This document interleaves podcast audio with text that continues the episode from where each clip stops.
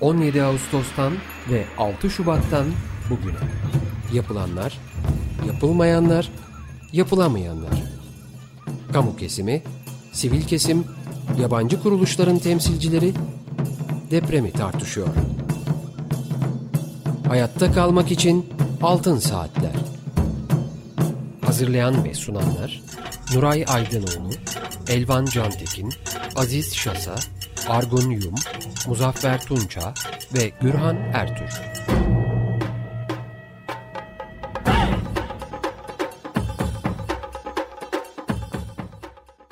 ...95.0 Açık Radyo'da Altın Saatler programı deprem özel yayınındayız. Wanderer programının yapımcısı Can Denizci'ye program saatini Altın Saatlere verdiği için çok teşekkür ediyoruz. Telefon numaramız alan kodu 212 343 40 40. Elektronik posta adresimiz açıkradyo.com.tr Efendim Açık Radyo'nun depremle ilgili yayınlarını ve bu yayınların deşifre edilmiş e, metinlerini Açık Radyo'nun internet sayfasında yer yarıldı içine girdik dosyasının içinde bulabilir, dinleyebilir ve okuyabilirsiniz. Ayrıca Altın Saatler programlarının ses kayıtlarını Açık Radyo'nun internet adresinde podcast bölümünde dinlemeniz mümkün. Evet, bugün eski bir kaydımızı size dinleteceğiz. Geçmişte ülkemizin yüz akı kurumlarından biri olan Kızılay uygulamaları nedeniyle bugün en tartışılan kuruluşlardan biri haline geldi. O kadar ki Uluslararası Kızılaç ve Kızılay Dernekleri Federasyonu'ndan ihraç edilmesi olasılığı bile konuşulmaya başlandı. Kızılay'ın bir holdinge dönüştürüldüğü 2019 yılında 25 Eylül günü Altın Saatler programında hukukçu Murat Cano dostumuz ile konuşmuştuk. Ticarileşme yoluna giren, şirketler kuran Kızılay'ın bugünlerine ışık tutan bir program olduğunu düşünerek tekrar yayınlamak istedik. Murat Cano özellikle azınlık hakları ve çevre koruma alanlarında çalışan avukat dostumuz. Evet, Kızılay'ın geldiği noktayı ele alan yeni programlarımızda önümüzdeki dönemde e, olacak mutlaka. Hoş geldiniz Hoş Murat Bey. Efendim, sağ olun. Murat Bey hukukçu. Özellikle de azınlık hakları ve çevre koruma alanlarında çalışıyor. Değil mi? Bunun dışında da tabii ki e, düşe kalka diyelim. Estağfurullah kalka. efendim. Evet biz bugün e, Murat Bey ile birlikte e, Kızılay'ı konuşmak istiyoruz ve ben ilk soruyu da e, Kızılay'ın nasıl bir kuruluş olduğunu sorarak evet. e, başlatmak istiyorum. Nasıl bir kuruluştur Kızılay? Ee, Kızılay başlı başına tüzel kişiliği olan gönüllü bir yardım kuruluştur. Üstelik Kızılay e, eldeki resmi verilere göre söylüyorum 1868'de kurulmuştur. 150 yıllık bir mazi yani. 151 yıllık bir geçmişi var. Evet. 1868'de kurulmuştur ve o günden bugüne kadar da çok büyük hizmetlerde bulunmuştur. Yani çok önceleri anımsamayabiliriz ama özellikle Balkan Savaşları sırasında alt üst olan o coğrafyalardan göç edip gelen Birinci Dünya Savaşı sırasındaki Türklere, işte savaş yaralılarına, daha sonra bizim memleketimize sığınan yabancılara yaptığı yardımlar asla unutulamaz. Evet. Evet. Bu nitelikte bir kuruluştur. Yapısı dernek midir? Kızılay Dernek'tir. Dernek. Evet Kızılay Dernek'tir. Kızılay'ın ilk tüzüğünü onu size gösterebilirim. Getirdim yanımda. Yani dersimi çalıştım doğrusu. Ah sağ olun Murat. Kızılay'ın Her ilk, zaman olduğu gibi. tüzüğü. Osmanlı Kızılay Cemiyeti ana tüzüğü e, 1968'de Hilal Ahmer olarak başlayan yapısı 1915 Ekim 1912'de güncellenmiş hali var burada. Evet. Ve adı Osmanlı Kızılay Cemiyeti ana tüzüğüdür. Sonrasında Cumhuriyet, onu da tek tek söyleyeyim size. Bakın, bir dernek 11.6.1868 tarihinde Mecruhin ve Marda'yı Askeriye'ye İmdat ve Muavenet Cemiyeti adıyla kurulmuştur. İlk başlangıç bu. Evet, evet. 14 4 1877'de Osmanlı Hilal Ahmer Cemiyeti 1923'te Cumhuriyet'in ilanından sonra Türkiye Hilal Ahmer Cemiyeti 35'te Türkiye Kızılay Cemiyeti 47'de Türkiye Kızılay Derneği adını almıştır. Evet. Özeti bu. Yani bu yasalarımıza göre bir dernek Dernektir kuruluşudur. ama kamu yararlı bir dernektir. kamu yararlı bir dernek. Evet, kamuya yararlı bir dernektir. Tüzüğünde de öyle sayılmıştır. Evet. Devletimizin idari uygulamasında da öyle sayılmıştır. Bu nedenle de e, vergilerden muaf, muaf oluyor. bütün vergilerden Bütün muaf, vergilerden. evet. KDV de dahil mi? Her şey. Her şey. Harç, bütün vergilerden, harçlardan, damgadan, gelirden, kurumdan, kira stopajlarından bütün vergilerden muaftır. Evet. Kuruluş yapısı itibariyle devletle bağlantısını ifade eden önemli e, maddeler var mı veyahut da e, bu konuda çünkü e, devletin tabii ki aldığı hizmetler açısından son derece önemli. E, ama onun dışında oranın yönetimiyle ilgili yönetimine müdahil olma konusunda da e, devletin devlete verilmiş olan bazı yetkiler var mı? A'dan Z'ye devlete verilmiştir yetkiler. Çünkü Kızılay'ı esasen imparatorluk kurmuştur. Devlet kurmuştur. Başlangıcı böyle. Devlet kurmuştur. Cumhuriyet yönetimi de devlet cumhuriyetin devlet idaresi de işte biraz önce okuduğum isim değişiklikleriyle tüzük değişiklikleriyle Kızılay'ın hukuki varlığını, fiili varlığını ve hizmetlerini sürdürmüştür. Kızılay bir devlet kuruluşudur. Evet. Evet. Ee, Dernek statüsünde olmasına rağmen bir devlet kuruluşudur. Evet. Aynı zamanda uluslararası E, bağlantıları da Uluslararası olan. Kızılaç'ın üyesidir. O konuda yapılan birçok anlaşmanın tarafıdır. E, Cenevre Sözleşmesi'nde yapılan savaş sırasındaki hizmetler konusunda imzalanan sözleşmelerde yüklendiği hizmetler vardır. Kızılay'ın hizmetleri artık ulusal sınırları çoktan aşmış. Aşmış. Evet.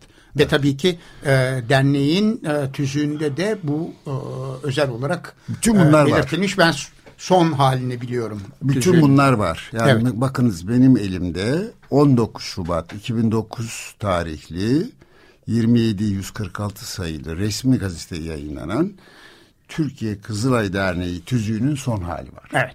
Burada derneğin hukuki dayanakları konusunda üçüncü maddeyi okumam herhalde size fikir Lütfen. verecektir. Bu tüzük ülkemizin kabul ettiği usulüne göre yürürlüğe girmiş bulunan milletler arası anlaşmalar demek ki bir- birçok milletler arası anlaşma var.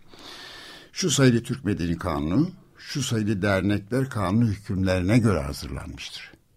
Yani bu tüzüğün hukuki dayanağını uluslararası anlaşmalar Anlaşmalar. da oluşturuyor. Evet. Evet. Sonra ulusal mevzuat devreye giriyor. Zaten yazım sıralamasında da önce uluslararası anlaşmalar yer almış. Evet. Evet. E, tüzüğün son tüzüğün tarihini bir daha tekrarlayabilir miyiz?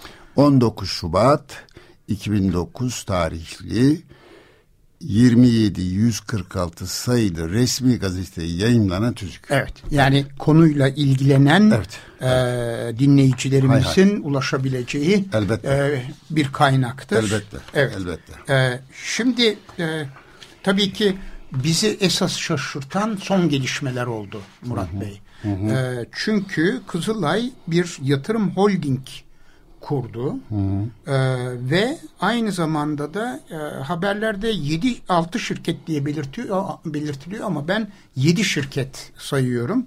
Bunları da kısaca özetleyebilirim. Bir Kızılay içecek şirketi var.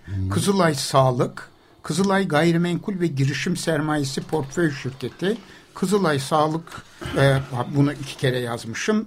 E, yedinci buradan kaynaklanıyor. Özür dilerim. Kızılay Çadır ve Tekstil Şirketi, Kızılay Kültür ve Sanat Şirketi, Kızılay Sistem Yapı Şirketi. Tam altı tane e, şirket kuruluyor ve bu şirketlerin de e, hepsi Kızılay Yatırım Holding'e bağlanıyor. Bunun yasal dayanağı var mı bu kuruluşun? Elbette var ama önce izninizle o bilgiyi azıcık düzelteyim. Lütfen. Şimdi Kızılay'ın birisi Yatırım Holding AŞ statüsünde olmak üzere diğerleri AŞ statüsünde olmak üzere yedi şirketi var. Evet. Bu şirketlerin listesini biraz sonra size sunabilirim. Evet. Ama dinleyicilerin bilgilenmesi bakımından şunu söyleyeyim. Çünkü geçmişinde yok Kızılay'ın bu tür bir yapılanma.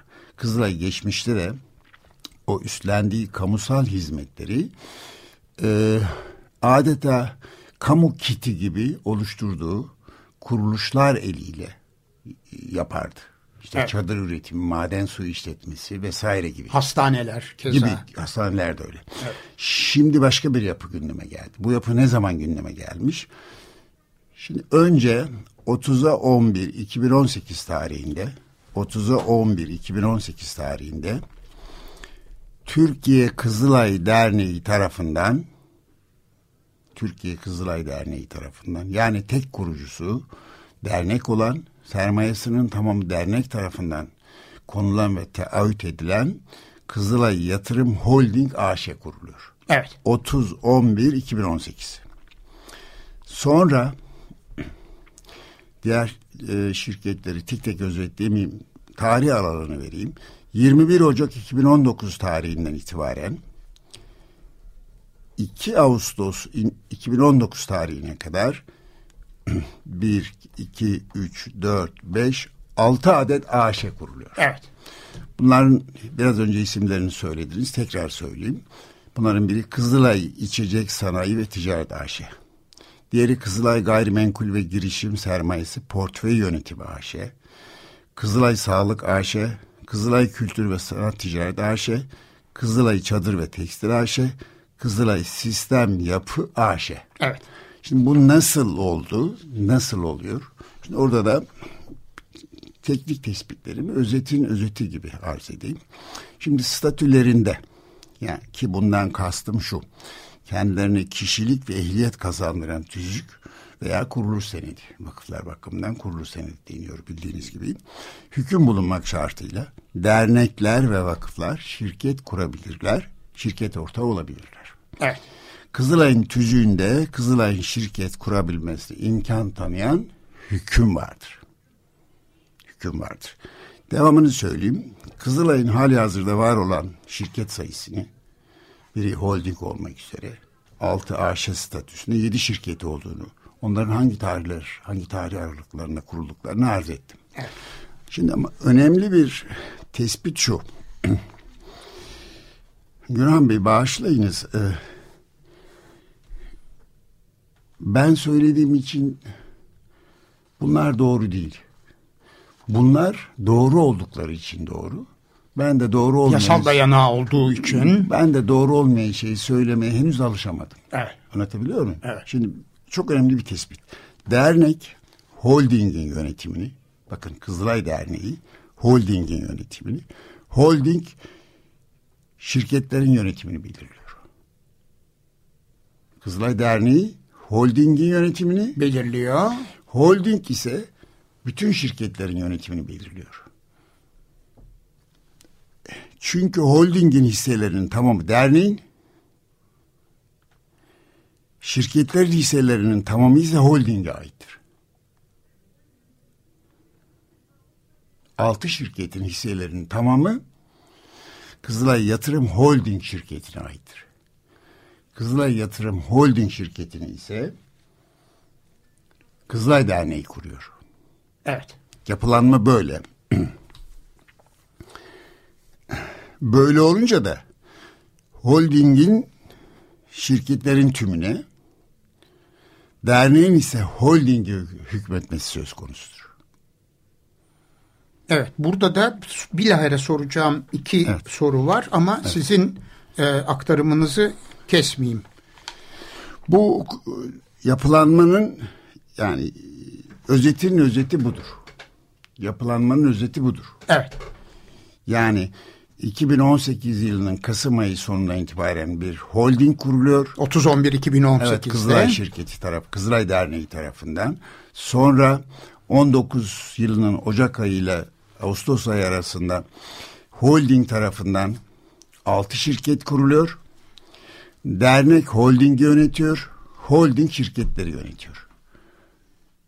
Evet zaten şu andaki yapıda da holdingin başkanı, Evet. yönetim kurulu başkanı Evet. e, şirketlerin yönetim kurulu başkanlarını atayabiliyor. Çünkü çünkü bu şirketlerin tamamının ve holdingin kuruluş statüsünü getirdim bu. Burada Evet. okuyabiliriz. Holding yönetim kurulunun dernek belirliyor. Kızılay Derneği belirliyor. Evet. Holding yönetim kurulu ise şirketlerin yönetimlerini belirliyor. O nedenle şu cümleyi kullandım. Dernek holdingin yönetimini, holding şirketlerin yönetimini belirliyor. Evet. Yapılanma bu denli organik ve aslında merkezi.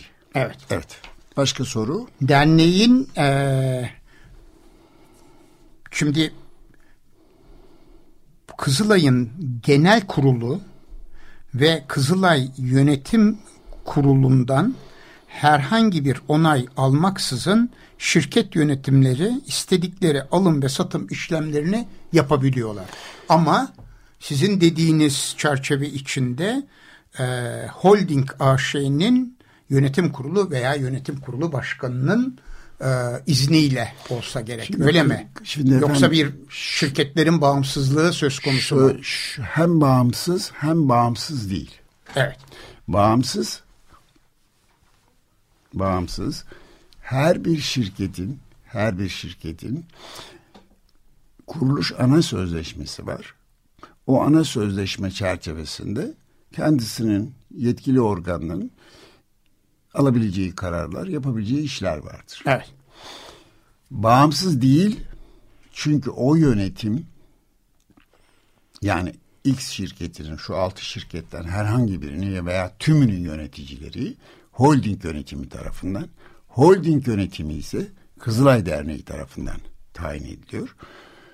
O zaman da Kızılay'ın ana tüzüğündeki amaçlara ve o amaçları gerçekleştirmek için yapılması gereken işlere göre kararlar alması, iş yapmaları gerekiyor. Ve fakat AŞ statüsündeki bir kuruluş Türk Ticaret Kanunu'na göre iş yapar. Tabii. Ee, ama derneğin böyle bir statüsü yok. Dernek kamu yararlı bir dernek ve kamuya yararlı hizmetler üretmek zorunda. Bu iki şey birbiriyle çelişir mi, çelişmez mi? Bu bence hizmetin niteliğine göre belirlenir. Ve zaman içinde de ortaya çıkar. Tabii. Değil yani mi? şi- Şirketlerin yapacakları işlerin, yapacakları hizmetlerin niteliği derneğin amacına uygunluk meselesini gösterecektir. Evet. Umarım derneğin amacına uygun nitelikte iş ve hizmetlerde bulunurlar. Öylelikle de bir sorun kalmaz. Evet. Evet, üstadım.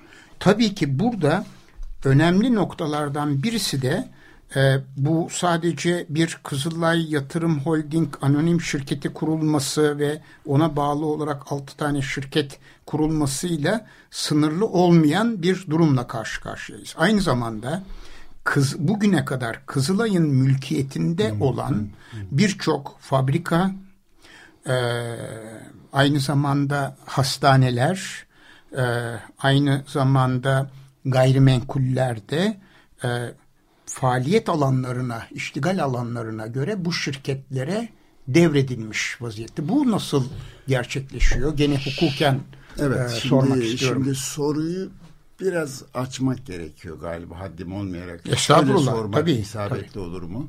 Acaba Kızılay adına tapuda kayıt ve tescilli bulunan taşınmazların, mülkiyetlerin bu şirketlere devredildi? Yoksa bu taşınmazların mülkiyetleri Kızılay üzerinde kalmak üzere taşınmazların bazıları şirketlerin faaliyet konularına göre onlara kiralandı mı, onlara tahsis mi edildi? Bana öyle geliyor ki taşımazların mülkiyetleri devredilmedi. Taşınmazlar halen tapuda Kızılay Derneği tüzel kişiliği adına kayıt ve tescillidir. Ama sorun şu, bakın şimdi iki, kiralama ihtimaline göre yaptım tespiti söyleyeyim. Evet. Ee, Yalnız ben hemen bir bilgiyi hayır, hayır, paylaşayım. Buyurun. Tabii bu bilginin sizin şu anda üzerinde durduğunuz e, nokta açısından e, bir kez daha e, gözden geçirilmesi gerekecek sanıyorum. Fakat hı hı. E, birden fazla e, yayın organında hı hı. haber olarak yayınlanan hı hı. 6000 küsur e, gayrimenkulün hı hı. E, devredildiği, hı hı. E, hastanelerin devredildiği, hı hı. çadır fabrikasının hı hı. ve keza hı hı. E, maden suyu fabrikalarının devredildiği şeklinde. Evet, şimdi bakınız e, sondan başlayayım o zaman. Evet. Bu soruyu bilmeden Önceden konuşmadık değil mi? Biz değil, hayır. Yaptık, hayır. Bilmeden şöyle bir not almışım.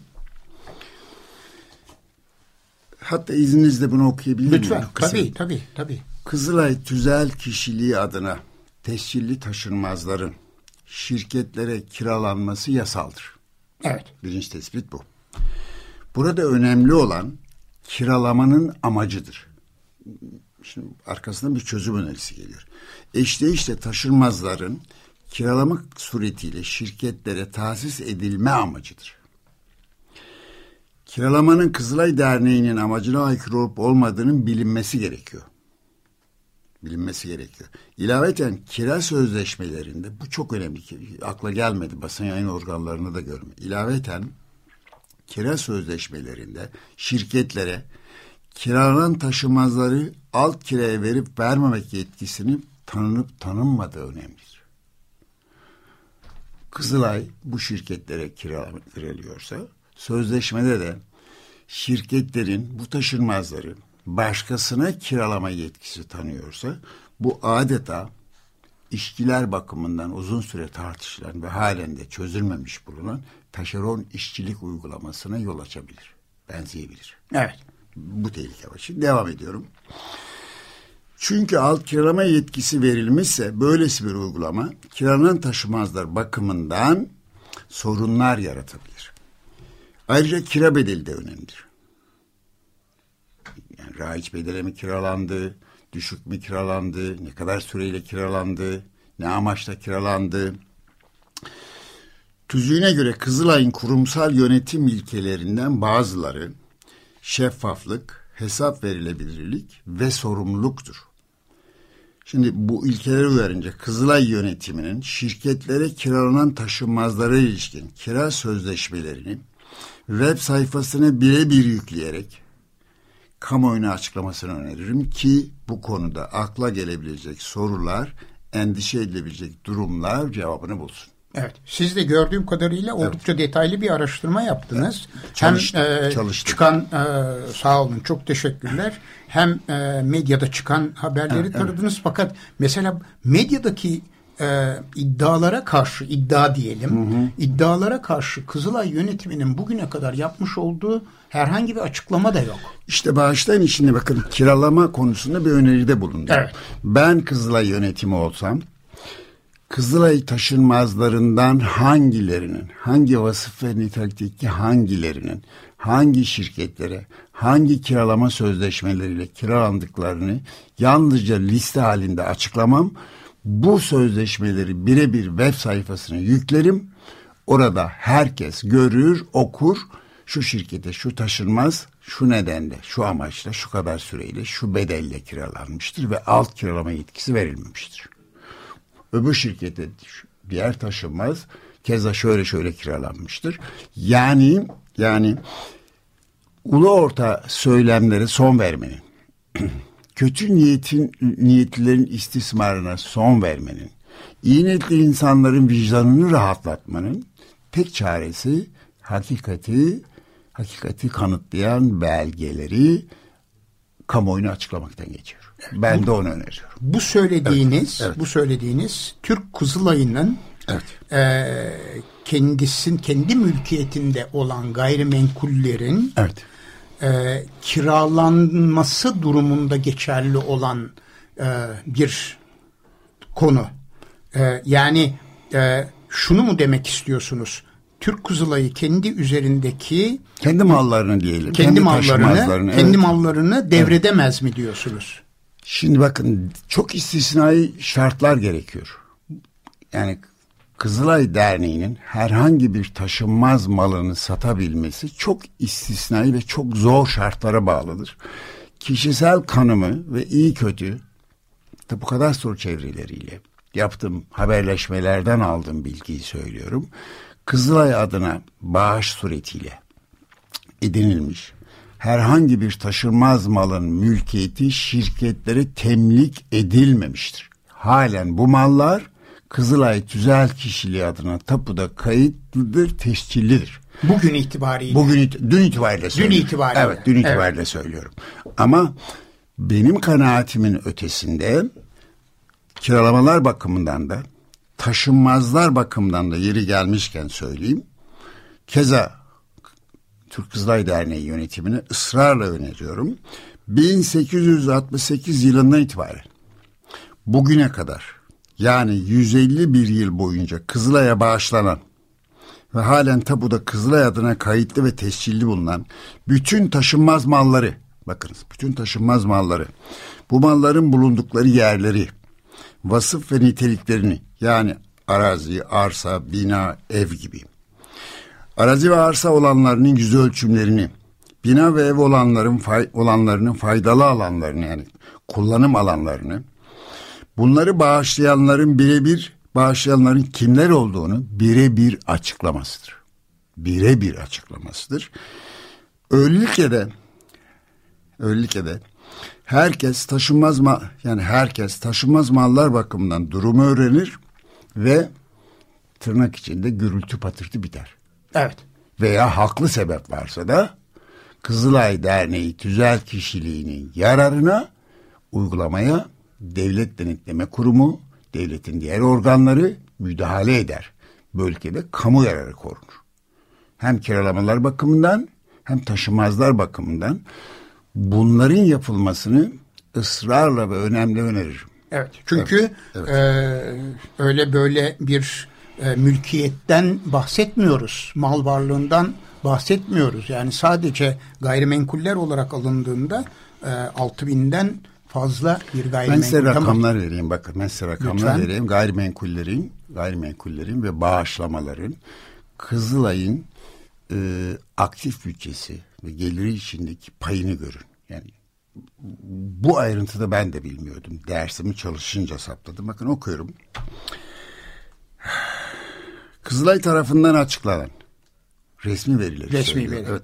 2018 yılı mali bilgilerine göre Kızılay varlıklarının parasal değeri eski parayla söylüyorum 4 katrilyon 581 trilyon 246 milyar 152 milyon 850 bin Türk lirasıdır. Bu 2018 18, itibariyle değer. Evet. Evet. Yani mal var, şey mal var. var. Kızılay'ın varlığı, evet. parasal varlığı. Şimdi devam ediyorum.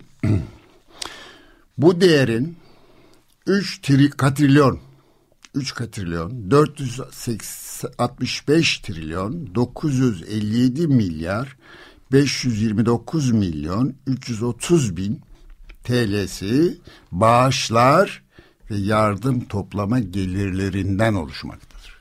Ee, hemen hemen çok kaba bir hesapla dörtte üçü. Devam ediyorum. Daha çarpıcı bir şey geliyor.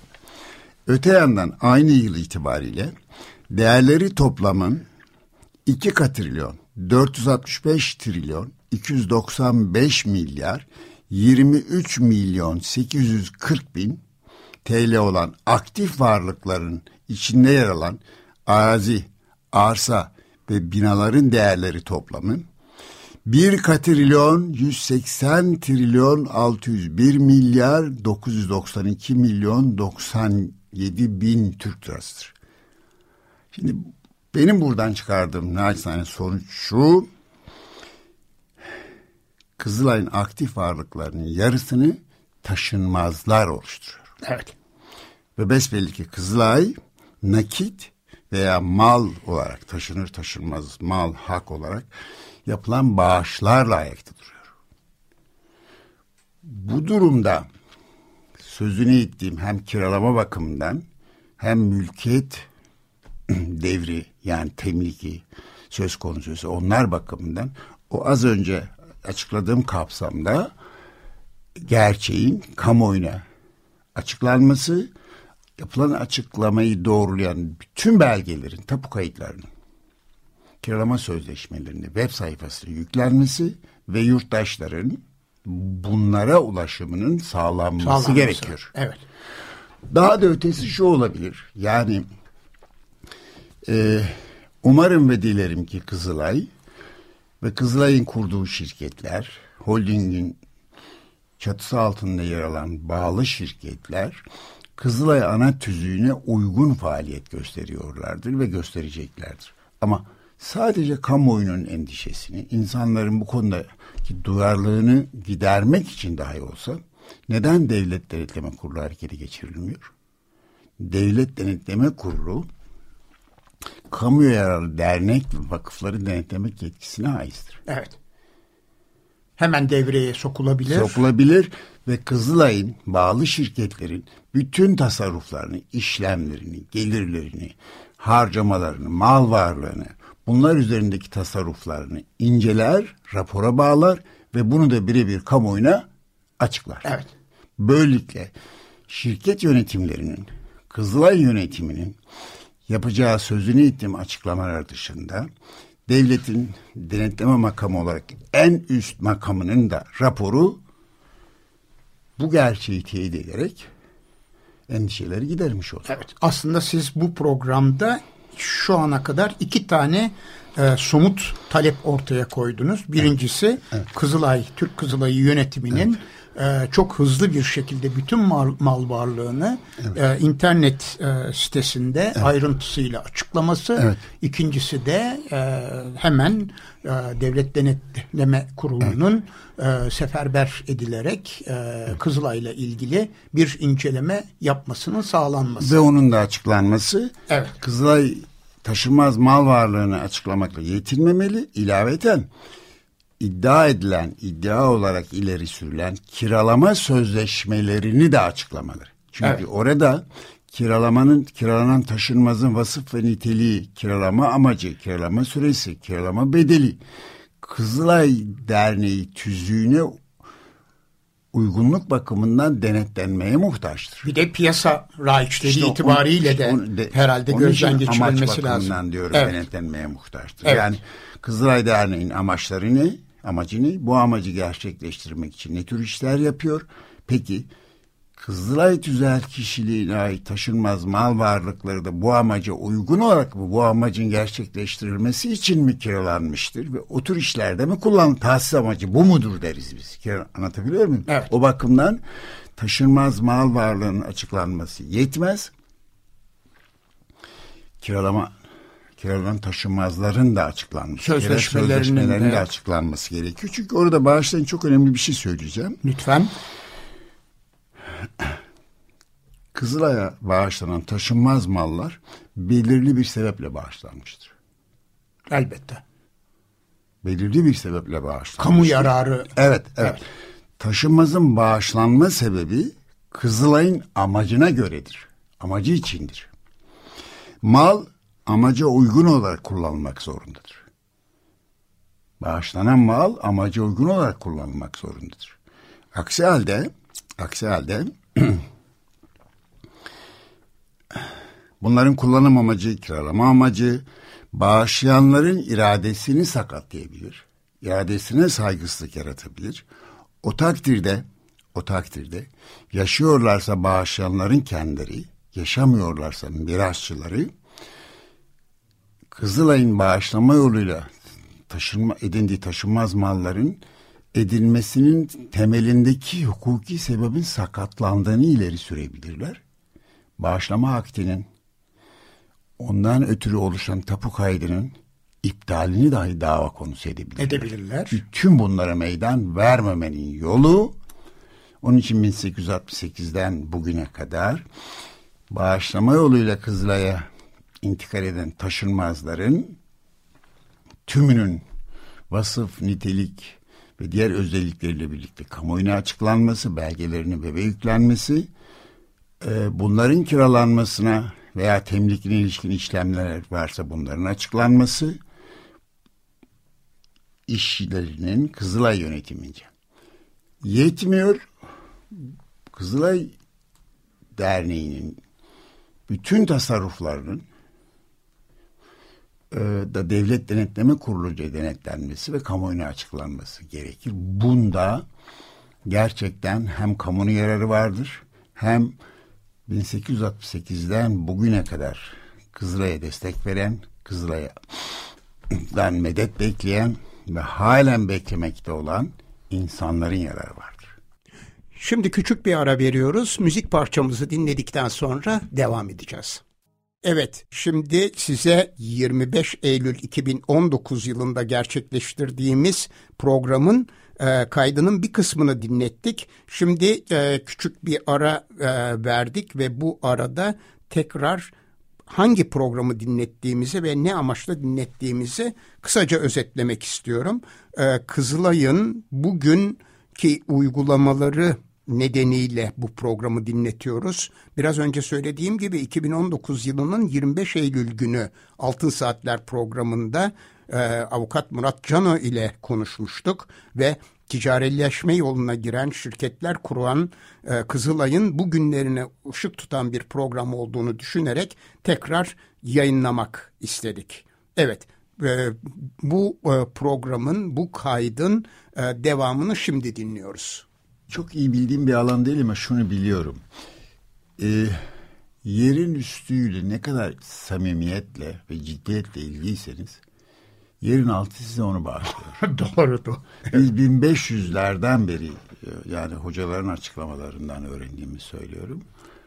Büyük depremler konuşuyoruz 1600'lerden geri. Tabii. Demek kayıtlı olanlardan. Ona rağmen yapılaşmamız değişmiş mi hiç sanmıyorum. Maalesef. Evet. 99'da bir büyük facia yaşadık. Peki e, bu afet alanlarının dönüştürülmesi uygulamasına ne zaman başladık? 2012. 2012'de başladık. Evet. Yani kanunun çıkma tarihi 2012. Evet. Uygulama ne kadar sürecek ve doğrudur sürüyor mu? Evet. Ee, peki bu uygulamada tabii baş, tamamen başka bir şeye. Biz döndü. depreme yetişebilecek miyiz yoksa deprem mi bize yetişecek? Anlatabiliyor muyum yani? Böyle bir e, nasıl söyleyelim? Cehaletten mi? aldırmazlıktan kadercilikten, mı, kadercilikten mi, mi, teslimiyetten mi, evet. boş vermekten mi, gündelik çıkarların peşine düşmekten mi, velhasıl hepsinden mi sürüklenip gidiyoruz. Evet.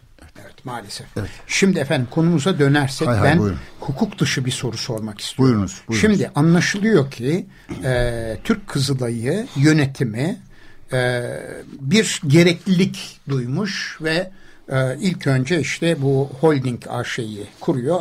Arkasından da holding AŞ'ye bağlı altı tane e, şirket kuruyor. E, acaba o güne kadarki yapılanması e, bu eldeki gerek e, gayrimenkuller olsun, hı hı. gerek şirketler olsun. Hı hı. Bunları yönetemiyor muydu da böyle bir ihtiyaç duydu? Bu, bu konuda herhangi bir yorumunuz var, var mı? Bir tabii. düşünceniz var, var mı? Tabii, Lütfen. Var tabii. Şimdi hepimiz hatırlarız. Yakın zamanlara kadar özellikle Sayın Özal'ın, Turgut Özal'ın iktidar olduğu tarihe kadar Cumhuriyet'in kurduğu iktisadi devlet teşekkülleri vardı. Evet. İşte et balık kurumu, süt kurumu, devlet üretme çiftlikleri, Sümer Bank, Etibank vesaire. E, bunların hepsi e, sanayi üretimi yapardı. Sanayi kuruluşlarıydı. Ve büyük kuruluşlardı. Çok sayıda da işçinin çalıştığı evet, değil büyük, mi? Büyük kuruluşlardı. Ee, ama hiçbirisi anonim şirket değildi. Ya da şu, şu veya bu şirket değildi. Neden? Kuruluş kanunları, e, yönetilmeleri, amaçları belirlenmişti. Kızılay'ın biraz önce sözünü ettiğim ilk ve son tüzüğünde amacını gerçekleştirmek için neler yapabileceği yazılırken bunların içinde işte 2018 Kasım'ında başlayıp 2019 Ağustos'unda biten şirket yapılanması işte yönetici şirket, holding. Belki daha da devam alt, edecek tabii. Bilemiyorum. Evet. E, alt şirketler yapılanması yoktur ama işletmeler biçiminde kendi amaçlarına uygun üretimleri yapabilen işler yapıyordu. Evet. Ve o, o işletmeler derneğin doğrudan derneğin yönetimi altında olan işletmelerdi. Kızılay Derneği'nin vergi yükümlüsü değillerdi. Kaynakları yine bağışlar ve resmi yardımlardı. Resmi gelirlerdi. Evet. Onların da yöneticileri vardı değil mi? Tabii tabii tabii. Tabii, tabii aynen öyle. Aynen öyle. Bakın yani son bilançoda bile ee... Ben bu araya hemen bir başka konuyu da e, belirterek girmek istiyorum. Hı hı. E, dernekler ve vakıflar iktisadi teşebbüs kurabiliyorlar. Evet. Yasal olarak bu mümkün. Evet. Değil mi? Evet. Hele ki evet. e, kamu yararı gözeten bir... E, iktisadi teşebbüs kurmanıza da gerek yoktur. Şimdi size bir örnek vereyim. Yani şimdi e, hastaneniz var. Evet. Hastaneniz vakfın e, kuruluş mal varlığı içindeki e, taşımazlar üzerinde kurulmuştur. Ve vakfın amaçlarından bir tanesi de hastane kurmaksa, ihtiyarhane kurmaksa bunun için iktisadi işletme kurmanıza da gerek, gerek yok. Evet gerek yoktur. İktisadi işletme vakıf kuruluşlarda, dernek kuruluşlarda daha çok ticari amaçlı yapılanmalar söz konusu olduğunda olur. Bir başka şey sadece vakıf veya sadece dernek olduğunuz zaman derneklerde İçişleri Bakanlığı'nın vakıflarda Vakıflar Genel Müdürlüğü'nün bastırdığı resmi makbuzlar dışında bir fatura alışverişinin söz konusu değildir. Dolayısıyla tırnak içinde söylüyorum istismar kapısı kapalıdır. Evet. Şimdi yeni yapılanmada beni düşündüren ve galiba üzerinde düşünülmesi gereken e, Kızılay'ın amaçlarını gerçekleştirmek üzere tamamen özel hukuk tüzel kişiliği olan bir yapılanma oluşmuş.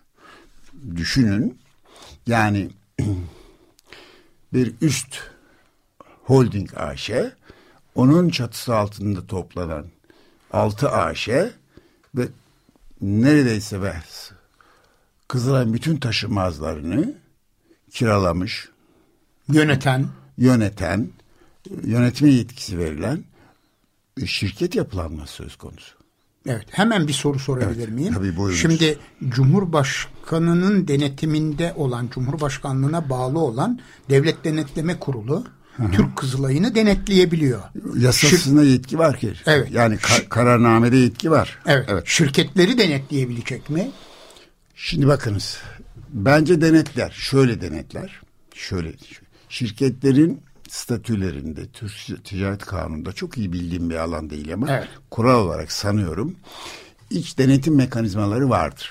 Denetçileri vardır. İşte bağımsız denetçi tayin edip görevlendirip Tabii. denetlenmelerini ister. Ayrıca Maliye Bakanlığı'nın da denetimi vardır. altında ama, şirketler. Ama, ama bence Kızılay yönetimi denetleyebilir. Şundan denetleyebilir. Üst şirketi yani diğer altı şirketi yöneten şirketi holding AŞ'yi Kızılay kurmadı mı? Kızılay Derneği kurdu. Evet. Peki bağlı şirketlerin tamamını holding kurmadı mı? Holding kurdu. Onun için hatırlarsanız giriş cümlemde şöyle bir şey söylemiştim. O bence çok önemliydi. Ee, dernek holdingin yönetimini dernek holdingin yönetimini holding şirketlerin yönetimini belirliyor. Evet. Hal böyle olunca örneğin görev verilirse Kızılay'ı Kızılay'ın iş ve işlemlerini tasarruflarını, gelirlerini, giderlerini, mal varlığını denetleyecek bir devlet denetleme kurulu uzmanı ya da uzmanları e, e, senin kurduğun holdingin faaliyetlerini onun kurduğu şirketlerin faaliyetlerini derneğin amacına uygunluk bakımından bakın derneğin amacına uygunluk bakımından dernek tüzüğünde derneğin amacı var. Evet. Derneğin amacına uygunluk bakımından da denetliyorum diyebilir ve bence de denetlemelidir. Yeri gelmişken derneğin amacını gerçekten birlikte hatırlamakta büyük yarar veriyorum. Bakınız tek bir cümle Osmanlı'yı geçiyorum. Türk Kızılayı evet. Derneği'nin Kızılay'ın amacı. amacı. Evet. Kızılay'ın amacı. Kızılay ihtiyaç anında dayanışmanın, ızdırap anında şefkatin, farklar karşısında hoşgörünün, savaşın en kızgın anında insancılığın, merhametin, tarafsızlığın ve barışın simgesidir. Evet. Kızılay'ın kuruluş amacı her koşulda, yerde ve zamanda. Hiçbir ayrım yapmaksızın. Her ne sebeple ortaya çıkarsa çıksın insan ızdırabını dindirmek amacıyla korumasız insanlara yardım etmek, insan hayatını ve sağlığını koruyarak onun kişiliğine saygı gösterilmesini sağlamak ve insanlar arasındaki karşılıklı anlayışı, dostluğu, saygıyı, işbirliğini ve sürekli barışı geliştirme destek olarak insan onurunu korumaktır. Evet. Temel amaç bu. Buna bağlı görevler. Kızılay, ulusal ve uluslararası yardım kurumu niteliğiyle ulusal ve uluslararası yardım kurumu niteliği ile savaşta ve barışta amacının gerektirdiği ödev ve görevleri yapar. E peki şirketler bu amaca göre mi çalışıyor? Bu amaca göre mi işler yapıyor? Şirketlere kiralanan eğer temlik edildiyse temlik elden taşınmazlar. Bu amaca uygun olarak mı yapıldı? Ya da nasıl, ne yaparak bu amaca göre iş yapacaklar, hizmet edecekler? Bunun denetlenmesi gerekiyor. Evet. Daha birçok iş var. Onları okumak istemiyorum. Sayfalarca çünkü. Kızılay'ın görevleri bakın sayfalarca devam ediyor. Şimdi bakın ben yapılanı evet. e, bir kısaca evet. e, aktarmak istiyorum. E, Kızılay Yönetim Kurulu'nun kararı ile kuruluyor. Kızılay evet. Yatırım Holding. Aynen öyle. Şimdi Kızılay'ın genel kurulları var. Buraya yetki bütün verilmiş ama. Yani tüzükte yönetim tamam, kuruluna zaten, yetki verilmiş. Tabii evet, ama evet. yani e, bütün bunların e, yolunun açıldığı çok belli. Tabii yetki ee, yani şu tüzükte yetkisi var. Evet. evet. Ben de baktım 2009 evet. tüzüğüne. Evet. 2009 yetki, tüzüğünde evet. bu yetki, yetki var. var. Doğru. Evet. Evet. evet. Ama e, bu kadar önemli bir konuyu ve çok ciddi bir tartışmaya da endişeye de kuşkuya da yol açacak bir konuyu genel kurul konu, e, konusu haline getirmez misiniz? Orada da bir pratik konumu söyleyeyim size. Bakın evet. şimdi bazı derneklerin yönetim kurulları eşittir genel kurul gibidir. Ama Kızılay için bunu söyleyemeyiz herhalde değil mi? Biraz öyle. Biraz öyle. Biraz öyle. Veya bu hale geldi. Evet, bu hale getirildi. Evet. evet bu hale evet. getirildi. Evet. Evet. Bu tespit benim için evet. yeterli. Evet. Şimdi bakın bu e, Kızılay Yatırım Holding'in beş yöneticisi yani genel başkan, genel başkan yardımcıları, genel sekreteri ve genel müdür düzeyinde olmak üzere Kızılay içinden seçiliyor. Hı. İki yönetici ise dışarıdan atanıyor. Evet. Tüm şirketlerin yönetim kurulu başkanlığını yapan Kızılay Genel Başkanı bugün için Kerem Kınık diğer yönetim kurulu üyelerinin de belirleme yetkisi veriliyor. Evet, yani evet. E, son derece merkezi bir yapı ortaya çıkıyor. Şey eskiden ekonomik bakımdan e, varlığın temerküzü tabiri kullanılırdı. Evet. Bu varlığın temerküzüdür. Evet. Şimdi buna yönetsel bakımdan kuvvetin temerküzü diyebiliriz. Varlık ve kuvvet aynı çatı altında temerküz etmiştir. O nedenle kamuda, kamuoyunda, yurttaşlarda, bağışlayanlarda, bağışlayanların mirasçılarında Kızılay için, Kızılay'ın mal varlığı bakımından oluşan endişelerin e, tapu kayıtları açıklanmak, kira sözleşmeleri açıklanmak suretiyle giderilmesinde bir büyük yarar vardır. Kızılay yıpranmamalıdır. Kızılay'ın yıpratılmasına imkan tanınmamalıdır. Mamalıdır. Evet. Peki. Evet. Ee, programımızı bitirmek üzereyiz ama son bir sorum var. Buyurunuz efendim. Diyelim ki Kızılay'ın bağışçılarından biriyim. Evet. Ee, oldukça değerli bir gayrimenkulümü de bağışladım. Evet. Yarın itibariyle bütün bu gelişmelerden hareketle sizin kapınızı çaldım. Evet. Ve dedim ki e, ben bu konuyu e, bir hukuki e, sorun haline getirmek istiyorum ve bu konuda da haklarımı kullanmak istiyorum. Hı hı. Nedir hakkım? Şimdi prensip olarak hakkınız, yani konuşmanın ilk bölümünde arz ettim. Ee, kızla yapılan bağışların şartlı yapıldığını zannetmiyorum. Çünkü Kızılay'ın amacı, bizatihi amacı kamusaldır. Doğru. Herhangi, Hiç kimse böyle bir gelişmeyi de beklemez, beklemez. beklemez. Tabii. Herkes ben malımı Kızılay'a bağışlayacağım. Çünkü Kızılay şunlara şunlara şu şu şu durumlarda hizmet edecektir diyor. Anlatabiliyor Evet. muyum? Ama bağışlana, bağışlanan iradesi Kızılay'ın amacına göre kullanılmasıdır. Şirketler ve şirketlere kiralanan yahut temlik edilen taşınmazlar Kızılay'ın amacına aykırı kullanılıyorlarsa, kullanılacaklarsa anladın? Ya da Veya böyle bir endişe varsa kullanılabilmelerine dair kullanıla, kullanımlarını kapı aralanmışlar. Alt kiralama sözleşmesini o nedenle artık Evet. yaptım. Ee, bağışlayanın iradesine aykırı bir durum vardır. O zaman bana gelseniz ben A, kolay filan demem. Bir, önce Kızılay Derneği tüzel kişiliğine husumet yönelterek dava açmak içimden gelmez. evet. Ama öte yandan hak varsa, hak varsa hakkı korumak gerekiyor. Ne yaparım? Önce tapu yani bağışlama konusu taşımazın Tapu kaydını tapu kaydının tespit tapudaki son durumunu tespit ederim. Tapu kaydı bunların şirketleri temlik edildiğini, kiralandığını gösteriyorsa ki kira sözleşmelerinin ben tapuya şerh edildiklerini sanıyorum. Uzun dönemli olmaları bakımından. Tabii uzun dönemli kiralanmışlardır. Aksi halde üretim yapamazsınız onlar üzerinde. Tabii. Onları incelerim. Oralarda bağışlamanın yani derneğin amacına, bağışlamanın amacına aykırılık görürsem hakkınızı söylerim. Hakkınız nedir? İşte bu bağışlama konusu, bağışlama akdinin ve bağışlama konusu taşınmazın edilmesine sebebiyet oluşturan çünkü bir sebebe bağlı o mallı mülkiyet ediniyor. Tapu kaydının iptalini dava edebileceğinizi söylerim. Evet. Yani bu durumun e, bir tek kişi için bile bu durumun oluşmasına Kızılay yönetimi meydan vermemelidir. Evet. Evet.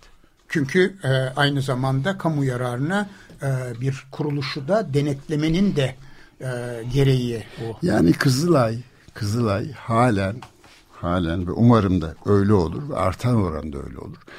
E, saygınlığını, kamusallığını internasyonel düzeyde koruyan, sürdüren bir kuruluşumuzdur. Bu kuruluş kirletilmemelidir. Evet. Peki. Çok çok teşekkürler. Estağfurullah. 2019 yılının 25 Eylül günü Altın Saatler programında avukat Murat Cano ile gerçekleştirmiş olduğumuz programı dinlettik. Ve bu program e, Kızılay'la ilgili idi ve e, şu anda en tartışılan kurumlardan biri e, olan e, Kızılay'la ilgili önümüzdeki dönemde e, başka yeni programlarda gerçekleştireceğiz. E, Pazartesi günü 18'de yeni bir Altın Saatler programı deprem özel yayınında görüşmek dileğiyle hoşçakalın.